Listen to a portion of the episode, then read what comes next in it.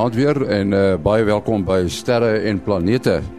Ons sit vir uh, Dr. Japie van Sail daar in Kalifornië vanaand by ons. Hy het allerlei nuwe planne en dan ook vir Willie Koorts van die SAAO daar in die Kaap.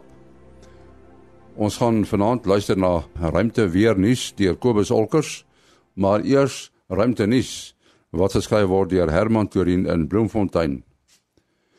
Die aarde se atmosfeer strek veel verder as wat ons op skool geleer is. Die grens waarbo iemand as 'n ruimteman beskou word is 100 km omdat 'n vliegtuig wat in die atmosfeer vlieg nie hoër kan vlieg nie. Maar die atmosfeer strek nog veel verder. Trouwens die maan trek deur die aarde se atmosfeer met die atmosfeer wat nog byna 2 keer verder die ruimte instrek. Dit is ongeveer 630 000 km ver die ruimte in. Hierdie inligting is bekom deur weer data van die SOHO ruimteteleskoop te bestudeer. Die digtheid van die atmosfeer op daardie hoogte wat hoofsaaklik uit waterstofatome bestaan, sal op aarde egter as 'n vakuum beskou word. Daarof dus geen aanpassing vir satelliete gemaak te word nie. Op 60000 km is die digtheid 70 atome per kubieke meter en op die maan se afstand van die aarde af net 0,2 atome per kubieke meter. SpaceX se ruimtekapsule wat ontwerp is om bemannings te dra, was geskeduleer om gister vir 'n toetsvlug na die internasionale ruimtestasie gelanseer te word. In plaas van 'n bemanning is die enigste passasier 'n mensgrootte pop, propvol sensors en van kop tot tone geklee in 'n ruimtepak. Die tuig self, bekend as 'n Dragon Crew, is ontwerp om 'n bemanning van 7 te akkommodeer. Daar is enkele verskille met die Dragon Cargo wat al verskeie vragte na die ruimtestasie geneem het. Die eerste bemande vlug word vir Julie vanjaar beplan. Intussen is bekend gemaak dat die volgende Amerikaners wat na die ruimtestasie gestuur gaan word, Nick Hague en Christina Koch, teen die einde van die maand met 'n Russiese Soyuz na die internasionale ruimtestasie sal reis. Dit kos die VSA so wat 80 miljoen dollar per persoon om iemand deur die Russiese diens na die ruimtestasie te neem. Tot sover dan ruimtenis wat uh, elke week vir ons geskryf word deur Herman Turin in, in Bloemfontein. Nou luister ons na Kobus Olkers daar in Florida, Amerika. Goeienaand en goeienaand luisteraars. Ek het nog 'n nuwe week en nog 'n nuwe ruimte weer voorspelling. Daar die groot aktiewe area wat ons verlede week op die son gesien het, is nou weg, hy het afgedraai so op die regterkant van die son en daar is geen magnetiese interessante areas sigbaar op hierdie kant van die son nie. Uh daar is wel een wat lyk asof hy aan die agterkant ehm uh, so kwart pad weggedraai is van ons af is maar hy sal eers teen die einde van middel van volgende week uh vir ons aan ons kant kom en vir ons dan weer 'n mooi vertoning gee want ehm um, ek glo nie hy sal sterk genoeg wees om vir ons enige probleme te gee nie. Dan die dinge wat maar veral hierdie tyd van die son se fase uh die die grootste effekte gee is koronagate. Ons het reeds een gehad wat teen teen Woensdag gee effektief geraak het. Uh, pragtige mooi auroras gegee en die uh, geraas in die agtergrond 'n bietjie opgestoot vir ons mense wat uh, langafstand radio bedryf. Ehm um, daar's nog een netjie wat ingekom het. Ehm um, hy het hy sal môreoggend se koers begin geo-effektief raak.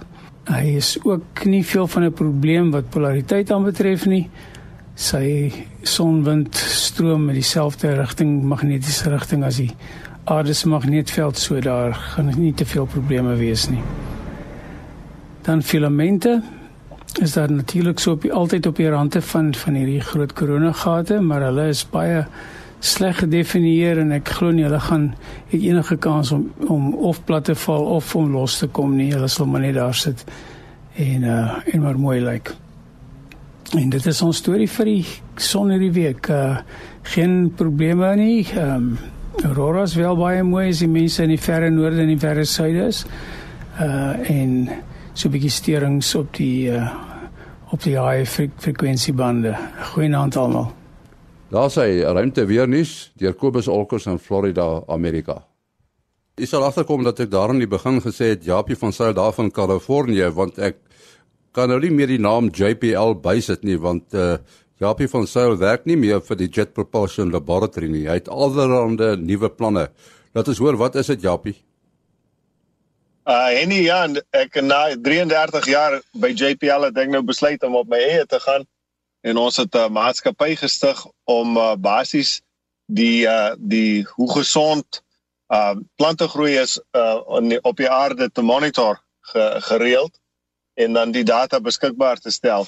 So uh, ons begin nou uh, met die nuwe uh, maatskappy sal ek maar sê en ons uh, aanvanklik sal ons nou eers van die um, bestaande satelliete se data gebruik, maar dan hoop ons binne die volgende jaar of twee om ons eie satelliete ook te lanseer om uh, die data meer gereeld te kry. Jy weet uh, op die oomblik het NASA 'n hele paar van hierdie satelliete wat uh, om die aarde vlieg maar hulle kry net die data so elke 16 dae of so. So uh, ons wil dit so elke 2 dae doen. So ons gaan ons eie satelliete hier so in die volgende 2 jaar of so probeer opsit en dan sal ons nou die data aanvul wat NASA op die oomblik uh, verskaf. Hoeveel satelliete praat ons van? Weet jy al in die stadium? Ja, om, om uh, elke 2 dae te doen, uh moet ons ten minste 4 satelliete gebruik. So uh, ons sal uh, jy weet as ons nou NASA se satelliet ook gebruik dan moet ons nog 3 bysit of ons moet 4 van ons eie bysit uh om om uh in 'n in 'n ander baan as NASA se nou. Maar uh dit so tussen 3 en 4 wat ons moet opstel. Nou wat ons natuurlik nou wil doen is om uh, nuwe tegnologie te gebruik. Die NASA satelliete is uh is natuurlik baie groot. Hulle doen baie ander dinge ook natuurlik wat ons nie nodig het nie. So ons beplan om baie kleiner satelliete op te sit wat dan 'n uh, gedeelte van die data wat NASA op die oomblik neem te dupliseer. Wie sou jou mark wees? Ehm um, ons die die grootste mark natuurlik is uh ehm um, die die landbousektor natuurlik. Uh want uh mense daar daar's 'n hele klompie verskillende markte wat soort van insluit by dit. Uh daar's onder andere natuurlik die uh, produseerders hulle self uh op hierdie uh, uh, soort van waarnemings wat ons gaan doen kan 'n mens vir mense sê wanneer die plante groei onder stres is sal ek maar sê dat hulle water nodig het. Dis dis redelik bekend dat uh uh wanneer plante uh water nodig het dan uh word hulle temperatuur hoër. Uh dis dis die die rede waarom 'n mens voel dit is uh, lekker koel cool as jy in 'n woud instap is omdat die plante al asem wat ons evapotranspiration noem in Engels en ehm um, as gevolg daarvan is die plante se temperatuur koel. Uh maar as hulle nou begin gestres raak, hulle het nie genoeg water om om so asem te haal, sal ek maar sê nie, dan uh, uh word hulle temperatuur hoër, is maar net soos 'n mens wat bietjie koors het. So om hierdie temperatuur dan van van die ruimte af te meet, kan jy dan sê of die plante water nodig het so aan. So produseerders is een mark, versekeraars is 'n is 'n ander mark. As jy vir hulle kan sê wanneer die plante groei, jy weet ehm um, uh, dit as gevolg was van van mense wat nie water gee nie of uh jy weet uh, een of ander uh droogte wat gebeur het en so en ek kan jy vir hulle waarsku dat daar groot dele van die van uh sal ek maar sê 'n land uh heel waarskynlik die oeste sal misluk. Dan kan hulle weet hoeveel hulle moet uh, geld op sy sit vir vir die wat hulle moet uitbetaal en so voort. En dan is daar natuurlik die ouens wat uh die die uh oeste moet versprei. As jy vir hulle kan 'n aanduiding gee van hoe groot oeste sal wees en so voort, dan kan hulle beter beplan hulle logistiek om die goeder te versprei en so voort. So daar's 'n hele klompie verskillende markte. Uh maar sal ek maar sê ons is ons spits ons toe aanvanklik op die landbousektor. Ek verstaan dat 'n uh, uh, mens kan self so goed so sekere siekte toestande ook uit die ruimte uit waarneem, is dit so? Ja, dit is waar. Om om nou die spesifieke details van watter siekte dit is, het 'n man 'n bietjie ander uh instrumente ook nodig, maar as jy net wil weet, kyk 'n uh, 'n plant wanneer 'n plant uh, om om watter rede ook al gestres raak, dan uh, word die temperatuur hoër. So soms kan jy sien dat plante wel uh, jy kan sien met die uh reënval dat dinge alright is maar tog 'n gedeelte van die plante uh se temperatuur het, het, het toegeneem dan weet jy daar is een of ander ander pes of 'n ding besig as om hulle hulle aan te val en dis as gevolg daarvan dat die temperatuur hoër is. Ja, toe jy net nou noem van die uh 16 dae teenoor 2 dae toe dink ek amper julle nou opgegradeer van die ou filmhouertjies wat julle afgegooi het na na elektroniese kameras, maar die aard van die saak is dit nou, nou nie regtig so nie. ja, dit is nou maar ongelukkig net hoe hoe gereeld satelliete kan oorkom, jy weet as jy die hele aarde moet kan sien. Jy hoef nie noodwendig foto's van die hele aarde te neem nie, maar as jy nou die hele aarde wil kan sien, dan uh, is 'n 16 dae sogenaamde 16 dae baan is maar omtrent die beste. Maar uh, dan moet jy uh, meer satelliete insit in daai baan om dan die meer uh, gereeld te meet. So twee kan jy na 8 dae kry en dan vier kan jy 4 dae en so voort. Is dit nodig om uh, so 'n satelliet se baan met die son te sinkroniseer dat die son altyd op dieselfde hoek sit of is dit nie so erg belangrik nie? Ehm um, daar's daar's 'n bietjie van 'n meningsverskil omtrent dit. Oor die algemeen sal sal meeste ouens saamstem dat dit beter as die son altyd op dieselfde hoek is. Want jy kan nou mooi daaroor dink as jy 'n plant se temperatuur wil meet, dis amper soos mense wat hulle gewig meet, jy wil jy wil dit in die oggend meet voordat jy uh enige kos en goeders uh geëet het of koffie gedrink het en so voort. Uh dis beter om hierdie ander faktore wat ook kan verander as gevolg van die feit dat dit verskillende tye van die dag is en so voort uit te skakel. So dis waarom meeste mense sê jy moet dit altyd met dieselfde sonhoek neem. Maar daar's ook ouens wat sê ja, maar daar is inligting. Kyk, plante se temperatuur net soos mense se gaan op en af gedurende die dag. Hmm. Wanneer 'n plant vroeg in die oggend is 'n plant nie onder stres oor die algemeen nie, so dan is die temperatuur redelik laag. Nou deur die middel van die dag wanneer dit op die warmste is, is dit soms 'n geval van daar's nie genoeg water wat lei hulle wortels kan trek en so aan. So hy kan gestres wees in die middel van die dag en nie in die oggend nie en so voort. So daar's ouens wat sê 'n mens moet dit juis op verskillende tye van die dag neem. Ons gaan beplan om dit probeer aanvanklik maar dieselfde tyd van die dag te neem net soos ek sê om van hierdie ander faktore daarom konstant te hou sodat 'n mens kan redelik seker wees dat dit net die temperatuur wat verander. Ja, dan wil ek net weet eh uh, ja, hoe verskil dit wat julle gaan doen met met die werk wat wat SMAP doen, die die satelliet wat op die oomblik om die aarde wentel. Ah, dis 'n baie goeie vraag. SMAP is 'n uh, is op die oomblik gebruik wat ons noem 'n ra radiometer uh eh, en hy gebruik nou baie lae frekwensies. So SMAP meet eintlik hoeveel water daar in die in die uh boonste so ongeveer 5 cm van die grond is. Die sogenaamde soil moisture. Nou dit is natuurlik een van die dinge wat nodig is om om wat jy ook moet weet want daar kan uh, dis natuurlik die vog in die in die grond wat die plante dan kan gebruik. Maar meeste van die van die sal ek sal ek sê die groter plante soos bome en so voort, hulle natuurlik neem water uit die grond dieper as daai 5 cm. En so ons het besluit dit is 'n uh, is 'n meer direkte waarneming om te kyk wat die plant doen in in plaas van wat in die grond aangaan. Omdat satelliete nie uh grense ken nie, uh uit die aard van die saak as jou uh, as julle kliënte nou wêreldwyd want ek bedoel julle vlieg reg om die aarde. Dis is 'n redelike poolbaan neem ek aan. Sodat jy die ja soos jy nou nog gesê die hele aarde dek binne 16 dae met die huidiges en julle gaan dit vinniger doen. So jou jou kliënte gaan gaan nie net beperk wees tot Amerika byvoorbeeld nie nee.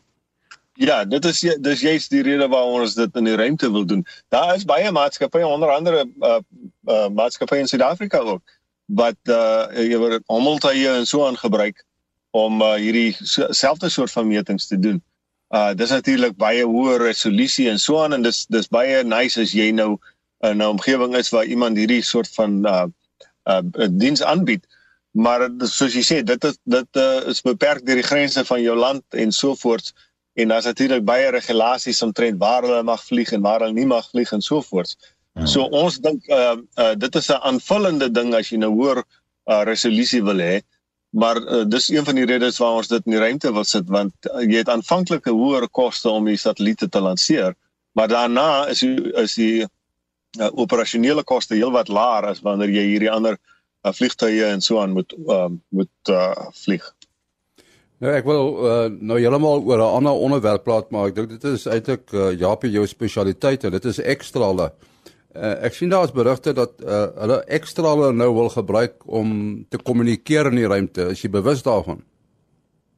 Ja, daar's uh, mense het al 'n hele paar keer daaroor so gesels. Uh die hele idee altyd is as jy hoor jy gaan in die frekwensies en ekstrale is natuurlik 'n baie hoë frekwensie. Um uh, uh dan uh, kan jy meer bandwydte kry. Uh dit is 'n uh, dit is nog maar 'n redelike vroeë stadium uh en uh en ek weet nie hoe goed dit sal op die ou end werk nie. Maar uh maar dit is definitief 'n tegnologie wat kan werk en soos ek sê mense het al hele klompie jare daaroor gesels. NASA gaan binnekort uh, op een van my vorige projekte wat ek nou by JPL was, uh sy naam is Psyche, gaan hulle 'n 'n laserstelsel vlieg wat uh dan ook kan baie hoër data bandwydte verskaf van sê plekke soos Mars af en so voort. Nou wou uh, die rede waaroor hulle daar mee geïnteresseerd is is natuurlik wanneer hulle uiteindelik uh, mense Mars toe neem, dan wil jy natuurlik hoër bandwydte hê om te kan kommunikeer en kan video en so aan kan oordra en so voort. So dit is nou maar 'n stap in die rigting om reg te kom. Maar lasers is natuurlik nou by met die uh, frekwensies wat 'n mens kan sien. Ehm um, ekstrale is nog heelwat hoër as dit so ehm um, teoreties kan jy baie groter bandwydtes kry as jy by die ekstrale gaan. Ek sien een van die voordele van die uh, ekstra kommunikasie is dat uh dit die plasma deurdring so jy verloor mos tipies kontak met uh, ruimtetuig wat die atmosfeer inkom as gevolg van die plasma uh, wat vorm en dit lyk vir my uh, ekstra is veronderstel om dit te kan uh, oorbrug. Dis reg. Dis reg. Dis een van die groot voordele.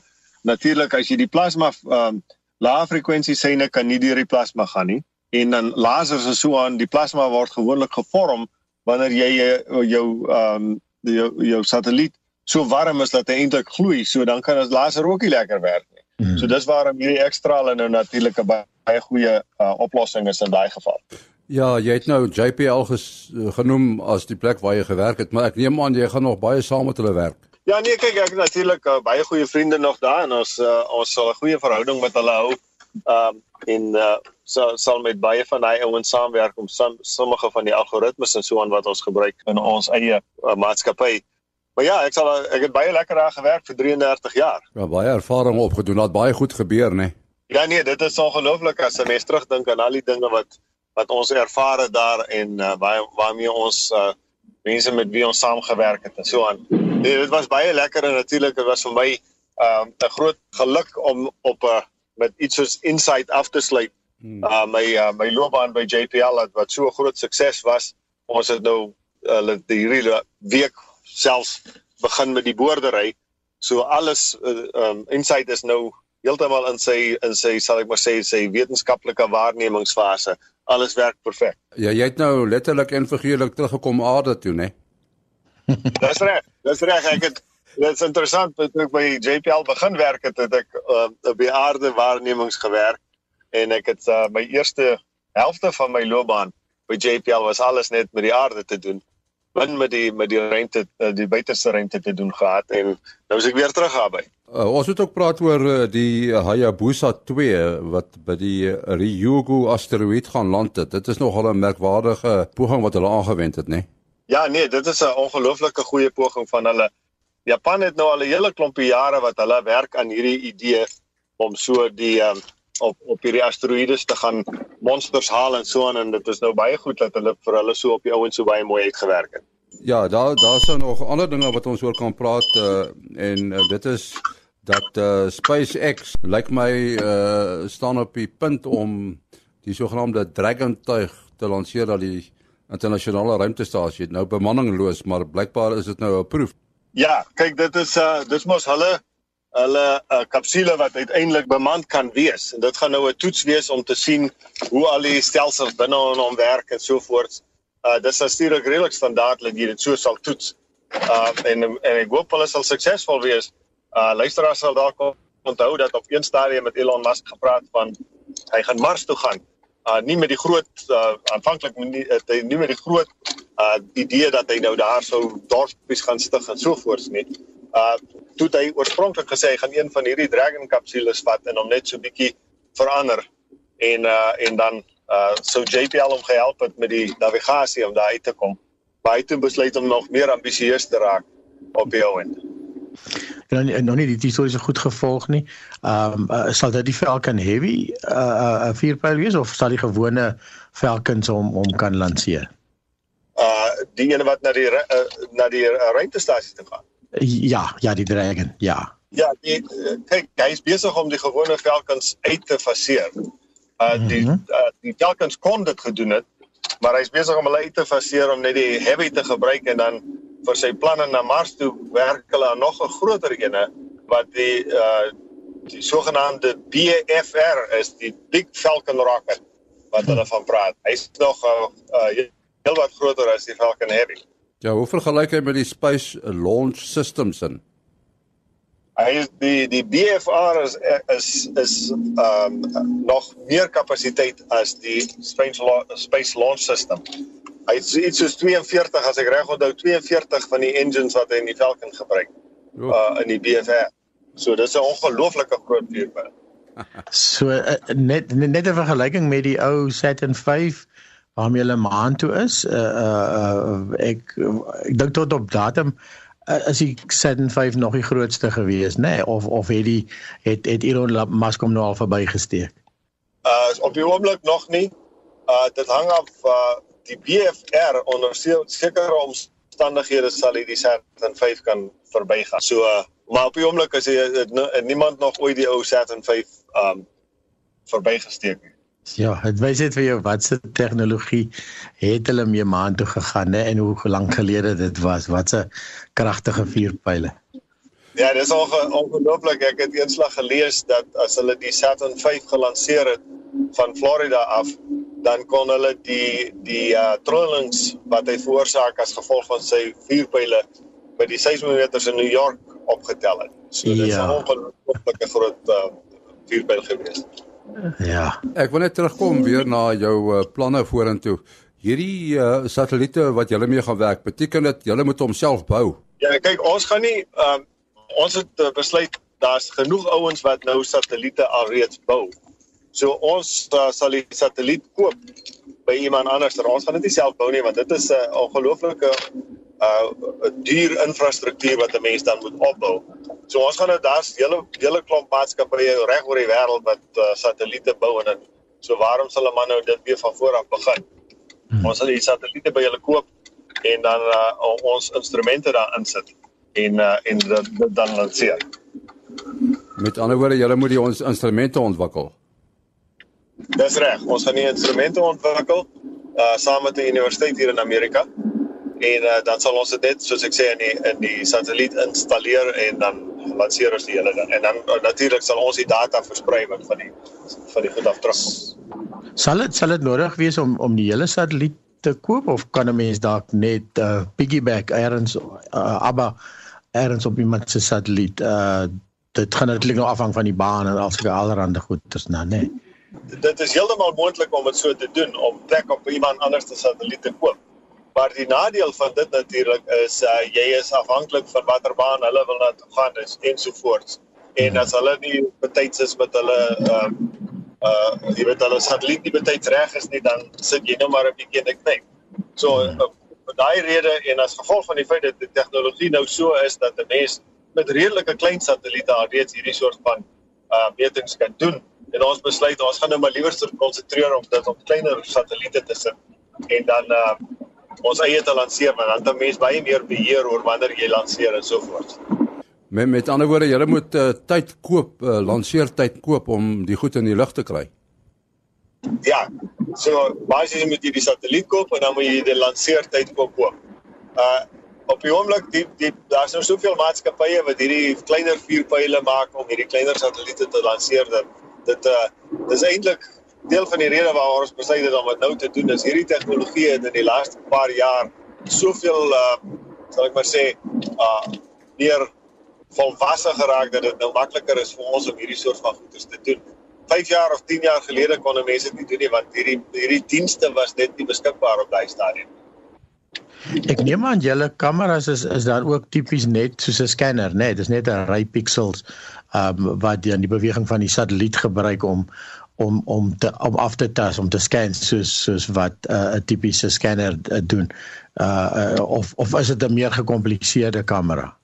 Nee nee nee, dis presies soos wat jy sê, dit het maar net so jy jy moet daaraan dink uh, ons het twee frekwensies vir elke kamera en dis net vir elkeen van hulle is dan net 'n ry van hierdie pixels wat hy so maar so met die beweging van die satelliet vorentoe gaan. En dis hoe jy die die prentjies maak.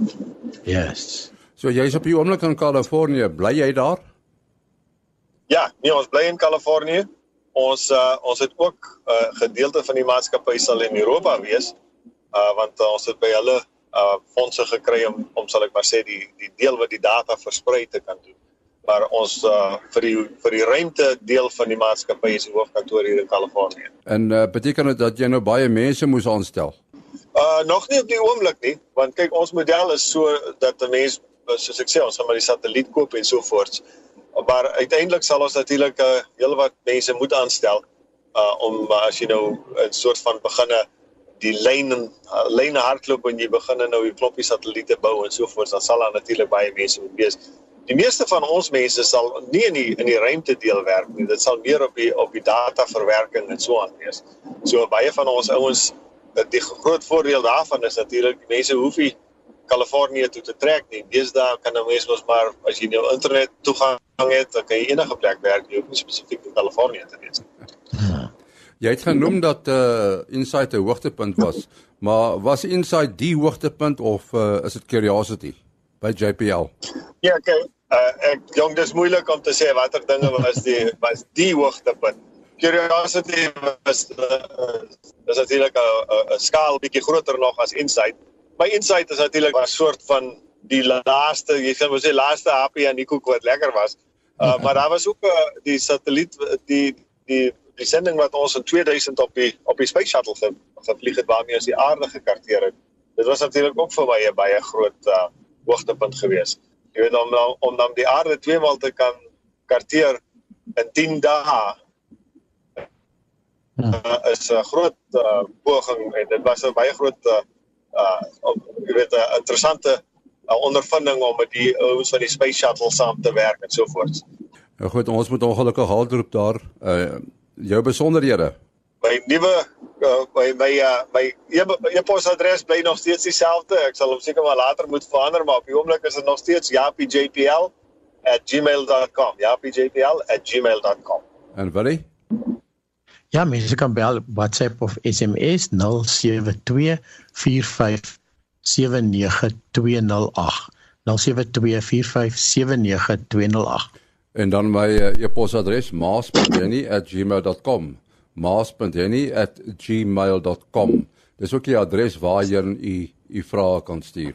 Tot volgende week. Mooi loop.